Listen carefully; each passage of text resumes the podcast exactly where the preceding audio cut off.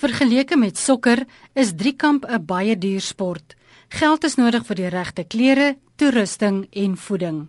Die 29-jarige Duitse driekamp atleet, Til Schramm, neem vir die eerste keer op die Afrika-kontinent deel.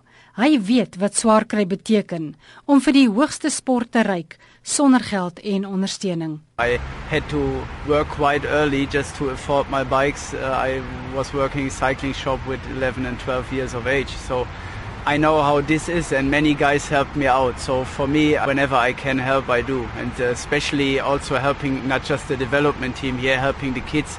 It's really special for me as I have two kids myself, two and a half and one year young. So I know this feeling how how parents must feel not be able to give their kids maybe what they like to do. It's a horrible feeling for them. They would give them everything but they can't.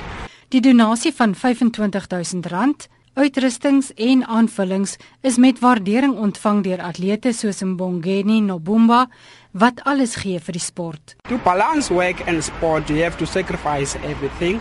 You wake up early in the morning, quarter to 5, go training, then you finish at half past 6 and then from there on you go to work, then in the afternoon and you go for training again.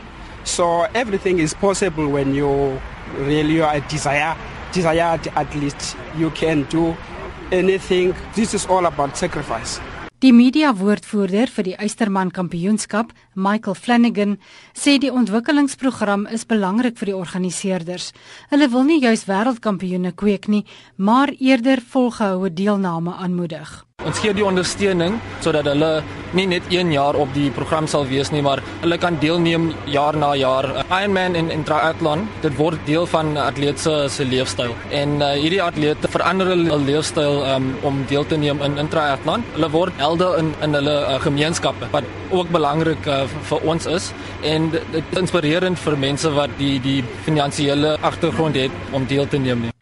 Gunstige weer word Sondag verwag wanneer die atlete 3.8 km by Hobiestrand sal moet swem, 180 km op die fiets moet aflê en dan nog 42.2 km moet hardloop tot by die wenstreep.